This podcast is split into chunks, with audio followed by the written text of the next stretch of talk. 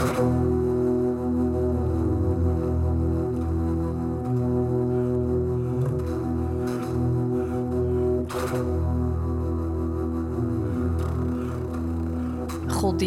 zoals in Genesis 2 dan staat, de geest in zijn ruach in de mens blaast en daardoor gaat de mens leven. Om vayotava praprinchati dhena jagati dhashuse uruchi somapitaye. Wind is beweging van lucht. En lucht is een vloeistof die bestaat uit moleculen, een mengeling van stikstof, zuurstof, waterdamp. En dat is het voornaamste. Wind ja, zie ik ook als een symbool van, van leven. Alle mantras beginnen met om. Om zien wij als de universele trilling die overal in de atmosfeer aanwezig is.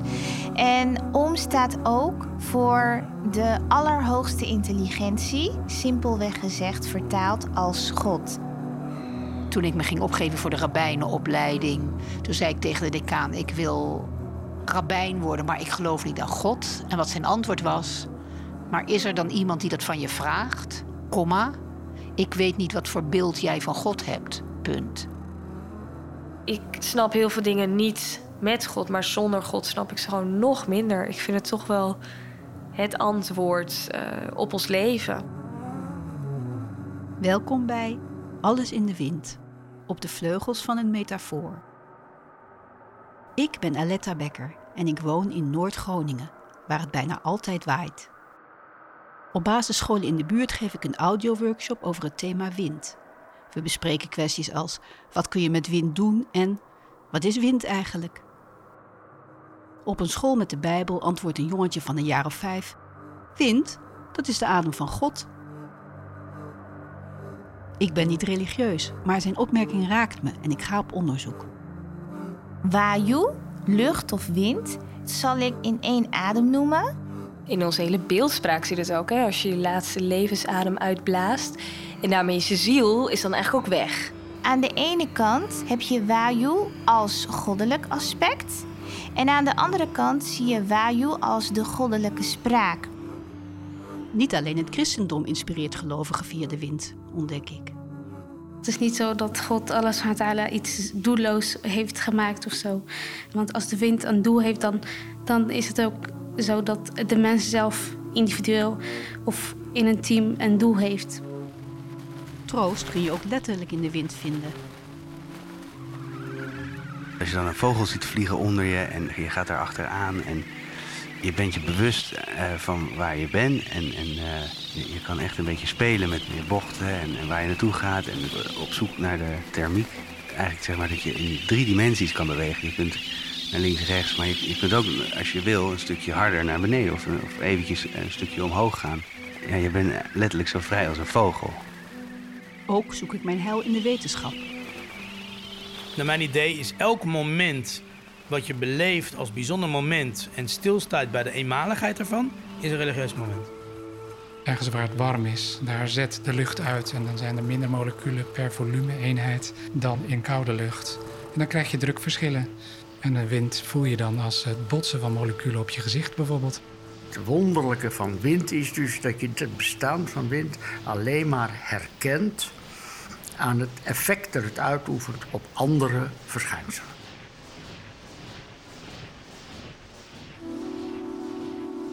Naast een predikant vraag ik een islamitisch geestelijk verzorger, een pandita en een rabbijn om een passage uit hun religieuze teksten die handelt over wind en adem, ziel en geest. Luister naar Alles in de wind op de vleugels van een metafoor.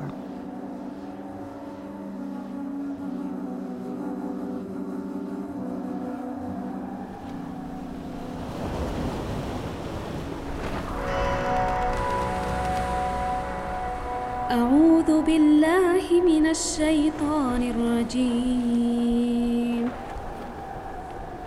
هو الذي يسيركم في البر والبحر حتى Hij is diegene die jullie in staat stelt om te reizen over land en zee totdat wanneer jullie je in de schepen bevinden en daarmee door een goede wind varen en zij, de schepelingen, zich daarin verheugen. وفرحوا بها جاءتها ريح عاصف وجاءهم er een stormachtige wind opsteekt en zware golven van alle kanten over hen heen komen en ze ervan uitgaan dat ze erdoor zijn omgeven.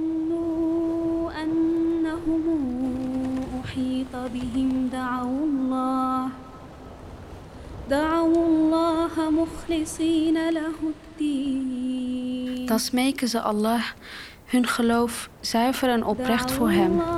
Indien u ons hieruit redt, behoren we zeker tot de dankbaren.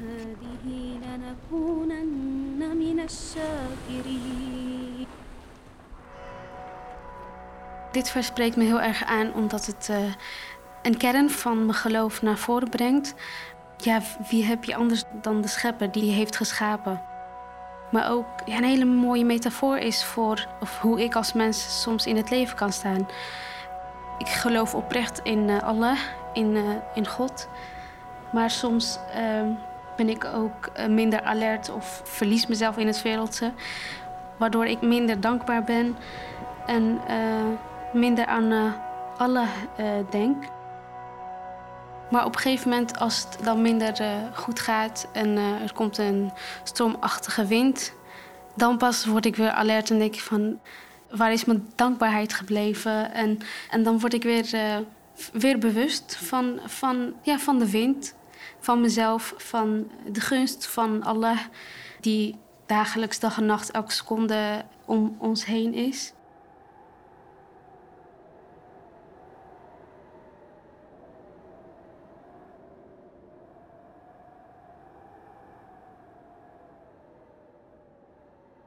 De wind waait waarheen hij wil en je hoort zijn geluid, maar je weet niet waar hij vandaan komt en waar hij heen gaat. En zo is het ook met de kinderen die uit God geboren worden, uit de geest geboren worden.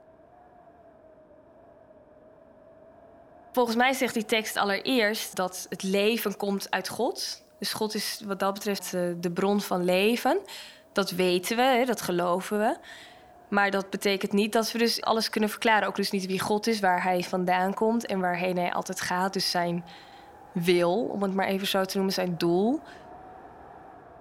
En aan de andere kant zegt de tekst ook wel weer van als wij dus ook uit die geest geboren worden, uit, uit God geboren worden, dat is eigenlijk de hele context ook van die tekst, dan staat het leven ook wel voor verrassingen. Het is een soort avontuur, denk ik, met God, wat het laat zien, dat woord. Ik denk het woord geest en het woord wind, uh, ziel geeft iets van een avontuur aan. Iets van het verrassende van het leven, wat je als je gelooft waarschijnlijk ervaart.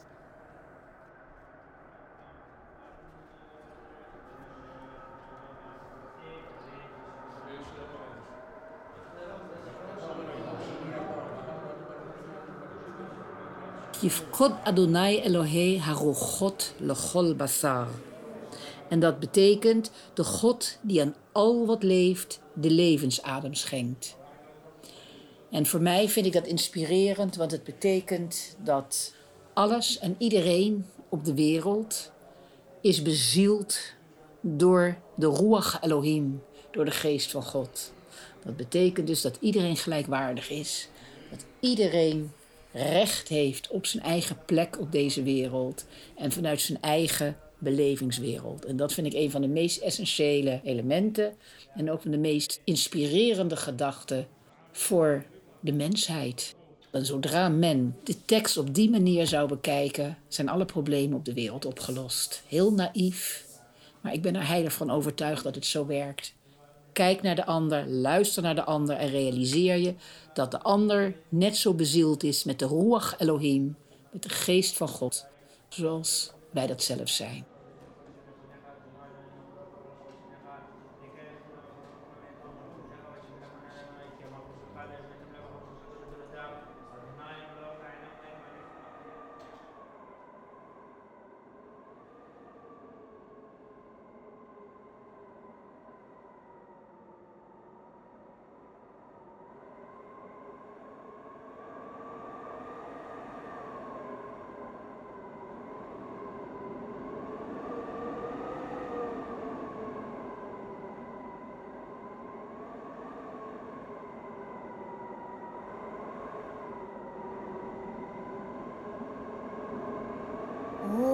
अस्तु मा सद्गमय तमसो मा ज्योतिर्गमय मृत्युर्मा अमृतं गमय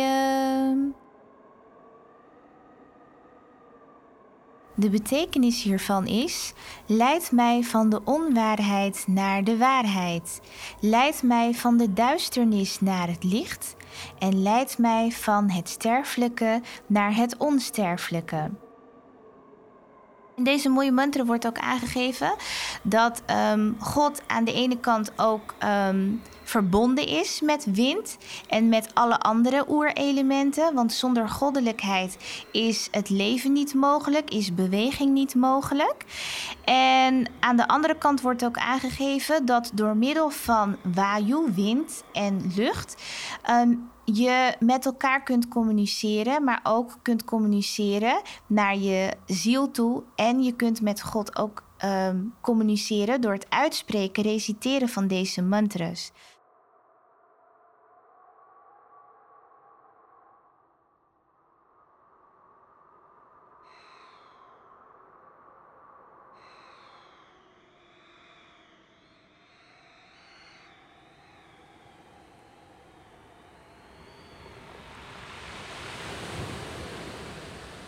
Een citaat uit het boek van Jonathan Swift, geheten Last Orders.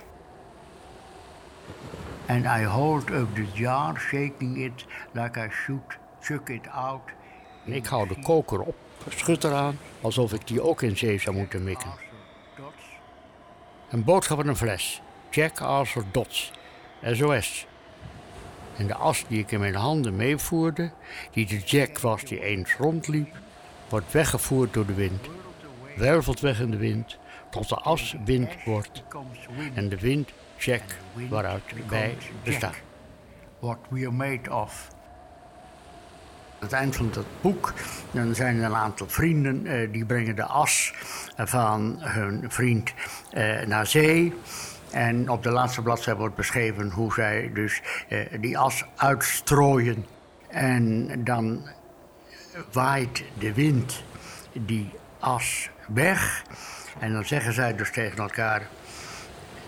Zijn lichaam gaat dus nu de oceaan over, maar zijn geest blijft door de wind eh, behouden voor ons, want wij ademen dat allemaal weer in.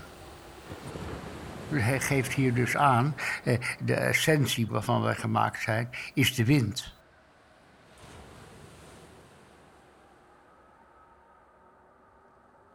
Lichaam heeft bijvoorbeeld eten nodig, heeft sport nodig om te groeien. Het verstand heeft kennis nodig, nadenken over dingen. Maar de roh, die heeft, naar mijn mening, vanuit Koran geïnspireerd, heeft een connectie nodig met de schepper. Want het komt van de schepper en het zoekt naar een verbinding met, uh, met de schepper. Je kan het ook zien als uh, ja, wifi of zo. Um, de verbinding zie je niet, maar die is er wel. En als je je wifi aanzet op een mobiel, dan kan je uh, wifi ontvangen. Ik zie het als een voorbeeld van hoe ik de, de zie. Het is een verbinding, een connectie met, met de schepper. Uh, moslims uh, die vijf keer per dag bidden, die doen dat vijf keer heel bewust. In verbinding komen, in, in connectie komen met, met God.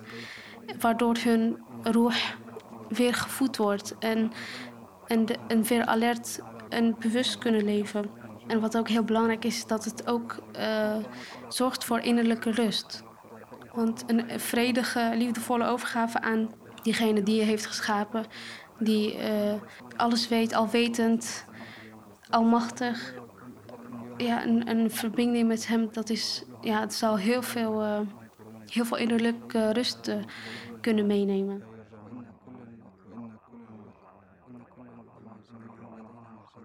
Anders dan het contact wat er al, dat, dat, dat basale contact wat er is uh, in alles wat bestaat, dus ook in, in, in stenen enzovoort enzovoort, in alles wat er is, is natuurlijk de mogelijkheid voor de mens, zo geloven we religies, dat dat contact tot de meest intieme en persoonlijke vorm uh, geperfectioneerd kan worden. Door de hogere delen, de hogere lagen als het ware, van dat uh, spirituele bewustzijn, van die hogere delen van de ziel.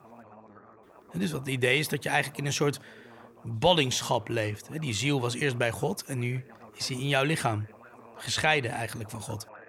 Het idee is het herstellen van het contact. Daarmee breng je het als het ware weer terug naar de bron.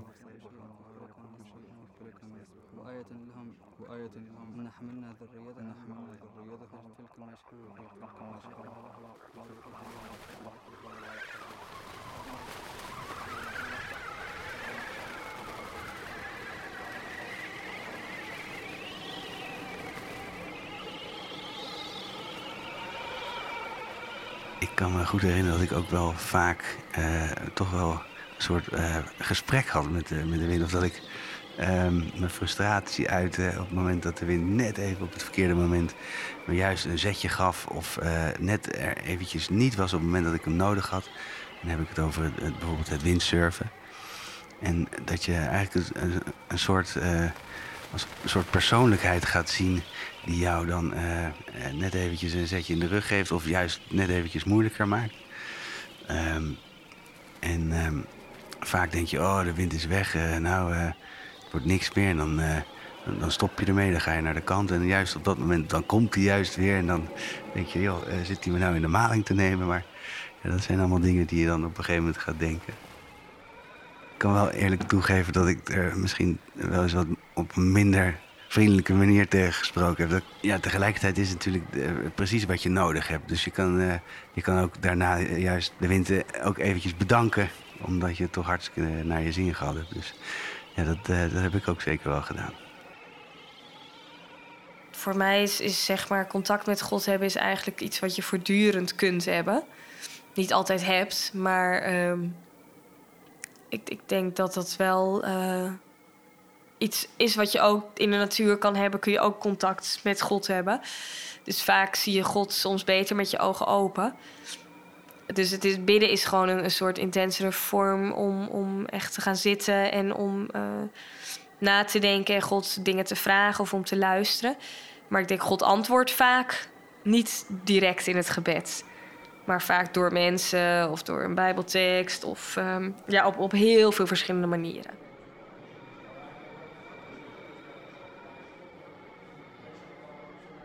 als ik dan die gebeden zie in die boeken, God is groot en God is machtig en God is fantastisch en God is rechtvaardig.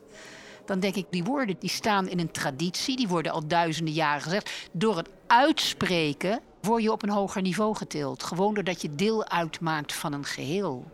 En dan denk je, deze woorden, of je ze nou gelooft of niet, hebben door de eeuwen heen mensen geïnspireerd en hebben mensen geholpen.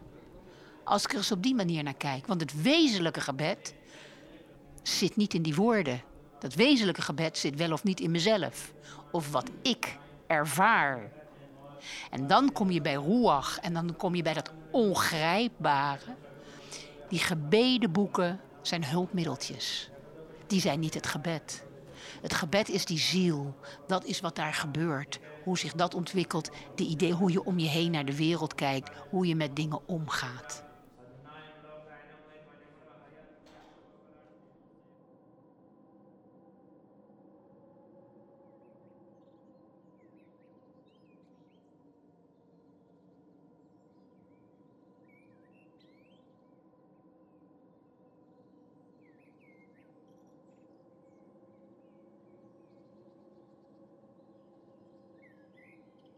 Als je niet alert leeft of niet bewust leeft, dan kan je heel veel tekenen missen.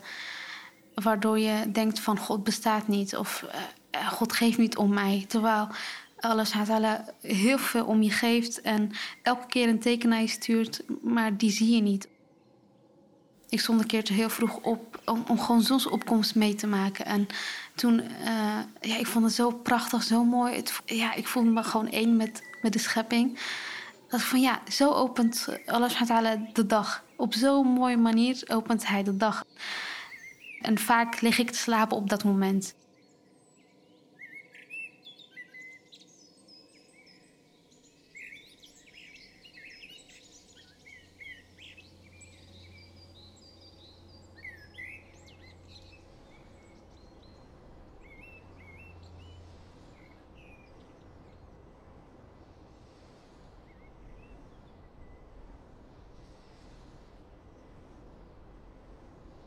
Komt wel eens voor dat je voor het eerst in contact komt met iemand.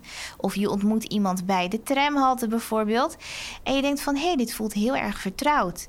Terwijl je een paar uur later iemand tegenkomt en je denkt, nou, deze persoon die ik tegenkom, ik wil niks met die persoon te maken hebben. Dat is eigenlijk vanuit de ziel een reactie naar de andere ziel toe. Ben je dus een positieve ziel, een ziel die goed gebruik maakt van suvichar, positieve, constructieve gedachten, mooie ideeën, mooie mantras, dan trek je andere mensen aan. Terwijl je met negatieve gedachten en um, afstand van het goddelijke, als je afstand neemt van het goddelijke, dan duw je mensen van je af. Er zijn hele wonderbaarlijke, um, ja, hoe moet je dat noemen? Um, ja, toevallen die gebeuren. Dat vind ik inspirerend. Dat vind ik, als ik gewoon om me heen kijk, dingen die gebeuren, op welk moment ze in je leven gebeuren. Of waar zetten ze je toe aan? Ja, dat vind ik waanzinnig inspirerend.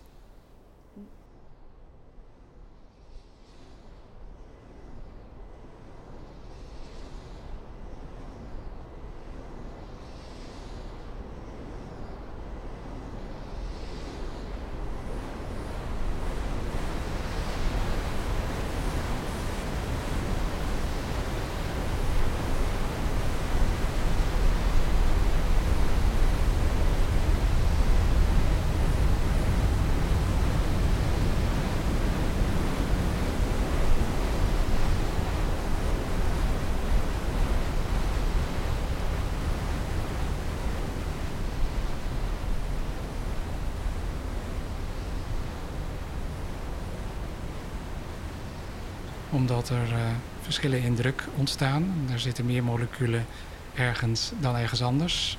En dan uh, krijg je een kracht en die werkt op de moleculen.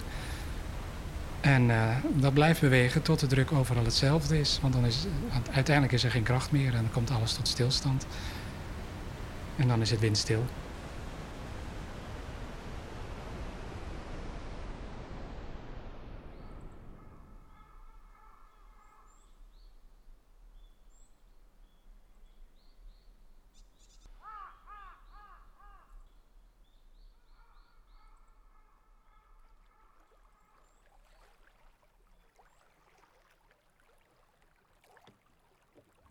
Een van de meest eh, bedreigende en geestdodende eh, verschijnselen is als er geen wind is. Omdat je dus op een letterlijk spiegelgladde zee, er beweegt niets. Het is dus doodstil. En het is dus niet voor niks eh, dat als je dat zelf ook meemaakt, en dat lees je ook bij Columbus en bij alle zeevaders, eh, dat je daar buitengewoon ongelukkig en ongerust over wordt. Want wanneer zal het eindigen?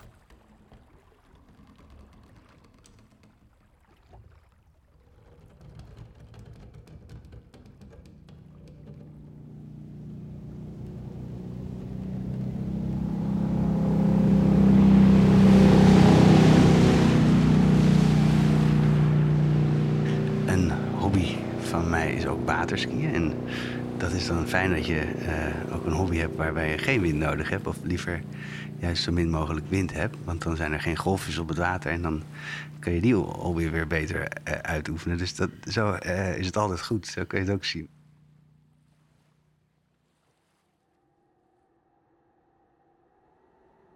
Het enige doel wat ik nog overhoud is om Allah subhanahu te vragen om mij dichter bij hem te brengen, om, om zijn tevredenheid, om, om zijn liefde.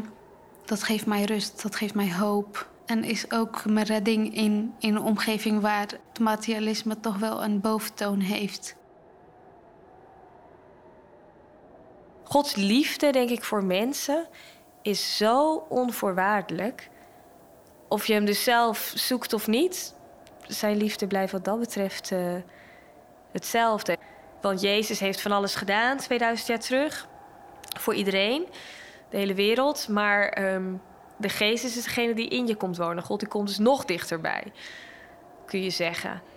Ja, en dat, dat gaat voor mij gewoon, uh, dat, daar heb ik eigenlijk geen woorden voor. En dat, dat vind ik zo bijzonder. En dat is voor mij ook wel wie God is. Dat is dus inderdaad, gelukkig heb ik daar geen grip op.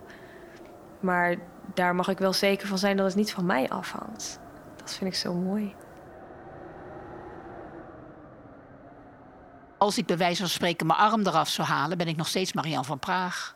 Als ik mijn been eraf zou halen, ben ik nog steeds Marian van Praag. Wat maakt mij mij? Dat is mijn neshama. Dat is mijn ziel, dat is dat ongrijpbare. Want verder ben ik gewoon een fysiek omhulsel. Maar die neshama, dat is het unieke. Dat is wat mij tot mij maakt. En dat is ook als dan een mens komt te sterven. Natuurlijk, ja, het lichaam is weg. Maar die ziel, die ziel die blijft.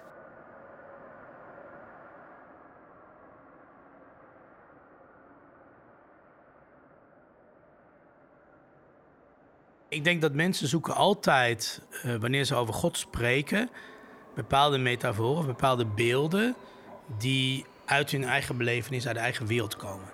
Nou is natuurlijk het geen toeval dat men, wanneer men praat over het goddelijke, men vaak praat over, de, over dingen als vuur, wind of bijvoorbeeld licht. Dat zijn allemaal dingen die je eigenlijk niet echt kan pakken. De zon die kan je nog zeggen, ik weet waar die opkomt. Ik weet waar die ondergaat. Ik weet uh, de banen die de aarde om de zon loopt. Ik ken zijn positie in de, in, in de melkweg. Maar die wind, de wind is toch, heeft toch iets, iets, iets, iets, ja, iets, iets ontregelends. Eh, ook het feit dat, dat dat niet, haast niet, te, zeker voor de oude mensen, te voorspellen was. Niet wat in te kaderen, niet te beïnvloeden.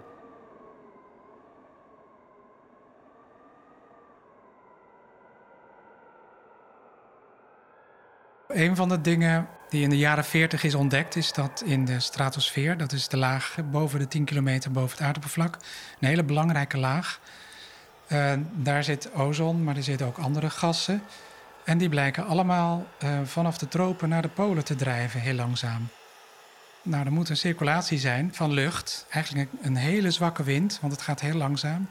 En dat wordt nog niet helemaal goed begrepen. Er is wel een theorie over die zegt: oh, het heeft te maken met een soort wrijvingskracht die wordt uitgeoefend door golven die uh, vanaf de troposfeer, vanaf het aardoppervlak naar boven gaan. En als het ware breken in de stratosfeer, net als de golven die breken bij het strand. Uh, dat is het beeld dat men heeft van wat er nu gebeurt. Iedereen geeft de indruk, als hij dat jargon gebruikt, dat hij het begrijpt. Zoals ik nu ook zeg, ik heb het over golven die breken.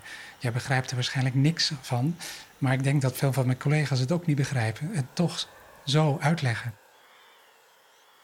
De metafoor is zo sterk en men is er zo vertrouwd mee dat het onderdeel van het spraakgebruik, van het taalgebruik is geworden en niemand vraagt zich meer af wat erachter zit eigenlijk.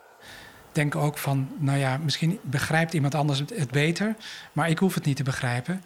Ik kan het wel begrijpen in termen van dit jargon en daar ben ik tevreden mee. Bij een sterke metafoor kun je denken dat je een verschijnsel begrijpt, ook al begrijp je alleen die metafoor. God is een hele sterke metafoor, denk ik.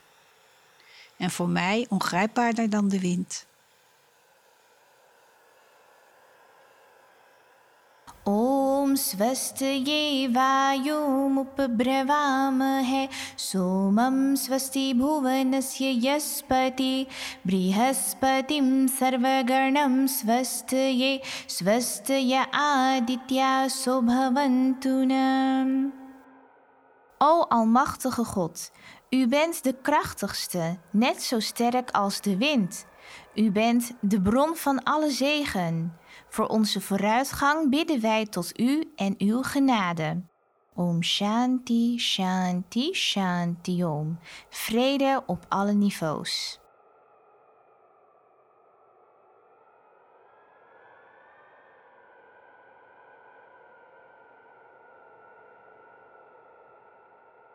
Dit was Alles in de Wind. Sounddesign Hubert Boon, regie Aletta Becker.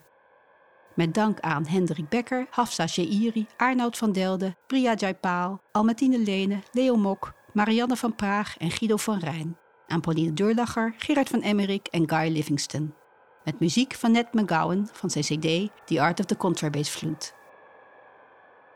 Dit programma kwam tot stand met steun van het Mediafonds.